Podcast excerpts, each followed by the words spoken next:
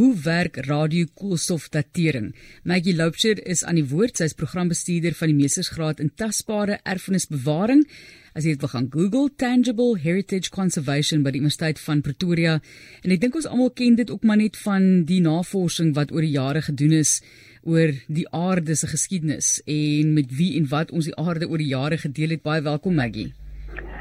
Baie dankie Martelies en hallo luisteraars. So interessante veld, hoe het jy daarin beland? Jong nee, dit is maar net een van die tegnieke wat baie gebruik word deur analitiese chemiese en veral in konservering. Argeoloë, spesifiek die mense wat hierdie tegniek die meeste gebruik om die ouderdom van artefakte wat van lewendige oorsprong was te bepaal. Hoe akkuraat is hierdie datering?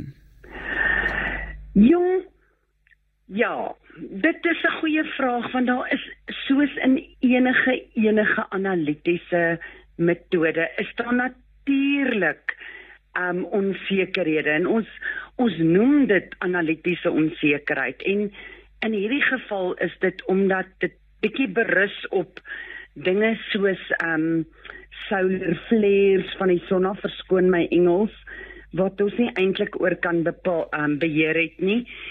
En dan 'n klomp mense wat in die 1940s 'n vreeslike klomp kerntoetse gedoen het wat ook die koolstof 14 verhoudings in die atmosfeer opgeduiwel het.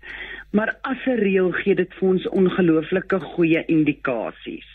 Goed, jy het so mooi gesê jy's jammer maar jy gaan baie wetenskaplik moet raak met die antwoord van hoe werk dit asseblief? Ek beloof dit is 'n maklike chemie les, so moenie weghardloop nie. Ek dink meeste luisteraars weet, 'n atoom is die kleinste deeltjie waaruit enige stof bestaan. Nou, 'n atoom weer bestaan uit 'n kern waarin daar protone is wat positiewe deeltjies is en neutrone is wat nat, nat um, neutrale deeltjies is.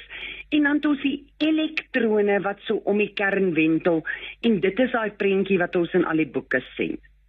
Nou, die hoeveelheid protone wat daar in 'n kern is, maak van dit 'n sekere element. So as jy 'n stuk yster vashou, dan het hy al tyd 26 protone in sy kern. Koolstof waaruit amper alles om ons bestaan, het 12 protone in sy kern.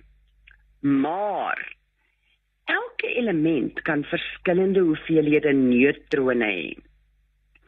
En so in die natuur kry ons 'n koolstof met 12 neutrone, een met 13 wat baie baie skaars is en dan die koolstof 14 waarvan ek nou gepraat het wat radioaktief is. En dit is hierdie die verhouding tussen hierdie isotope wat ons dit noem is meestal konstant in lewende organismes. Dit is fascinerend. Dit is konstant sê jy regdeur in lewende organismes. Ja. Goed. So dit kan nie nou, verder geneem word wanneer hulle nou nie meer lewe nie of hoe? Dis presies wat nou okay. nou gebeur. Want terwyl 'n uh, eh, um, organisme lewe, neem hy koolstof 14 op. Ek moet dalk een streetjie terug gaan en sê dat koolstof 14 word word eintlik deur kosmiese strale gevorm. Jy weet ons is almal doodbang vir die woord radioaktiwiteit want ons almal dink Chernobyl. Maar eintlik woon ons en is dit moontlik om te leef op ons planeet omdat ons onder die grootste kernreaktor in ons sonnestelle stelle sou is en dit is die son. Ja. So terwyl 'n uh, organisme leef, neem hy van daai koolstof 14 op. En soos ek voorheen gesê, die verhouding tot koolstof 12 is konstant. Maar sodra 'n organisme dan doodgaan, dan begin hierdie koolstof 14 verval. En dan oor tyd begin hierdie verhouding van die isotope ver, verander. so interessant die verandering wat implikasie het dit dan want jy sê ook dat die artefakte akkuraat die tegniek is akkuraat vir artefakte jonger as 50000 jaar so dis presies oor tyd verander daardie proses tog of ja. akkuraatheid ja, want die halfleeftyd van koolstof 14 isotope is om presies te wees 5730 jaar as ek reg onthou. So dit beteken maar net dat, dat na 5730 jaar daar net die helfte van die oorspronklike konsentrasie koolstof 14 oor gaan wees. Wat beteken twee keer dit na 11000 jaar is daar net 'n kwart daarvan oor en na 22000 jaar net 'n agste daarvan oor en so gaan dit aan. So nou gebruik ons 'n analitiese tegniek genaamd massaspektrometrie. En dit help ons om die relatiewe hoeveelhede van die isotope te meet en so bereken ons dan wanneer hierdie organisme dood is. En dit is hoekom ons dit net vir artefakte jonger as 50000 jaar kan gebruik.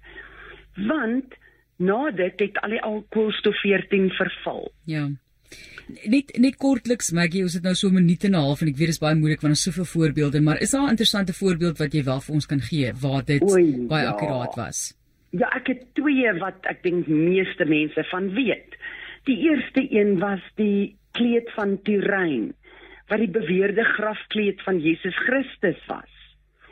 Maar in 1988 toe doen hulle koolstofdatering op dit en toe sê hulle nee, hierdie kleed is definitief erns tussen 1260 en 13 1390 jaar oud.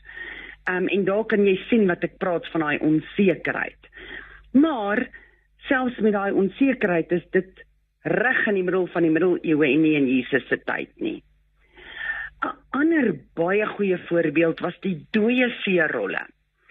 Want die ouderdom daarvan is bepaal in die middel van die 2de eeu voor Christus en die boek Jesaja spesifiek 250 tot 130 voor Christus.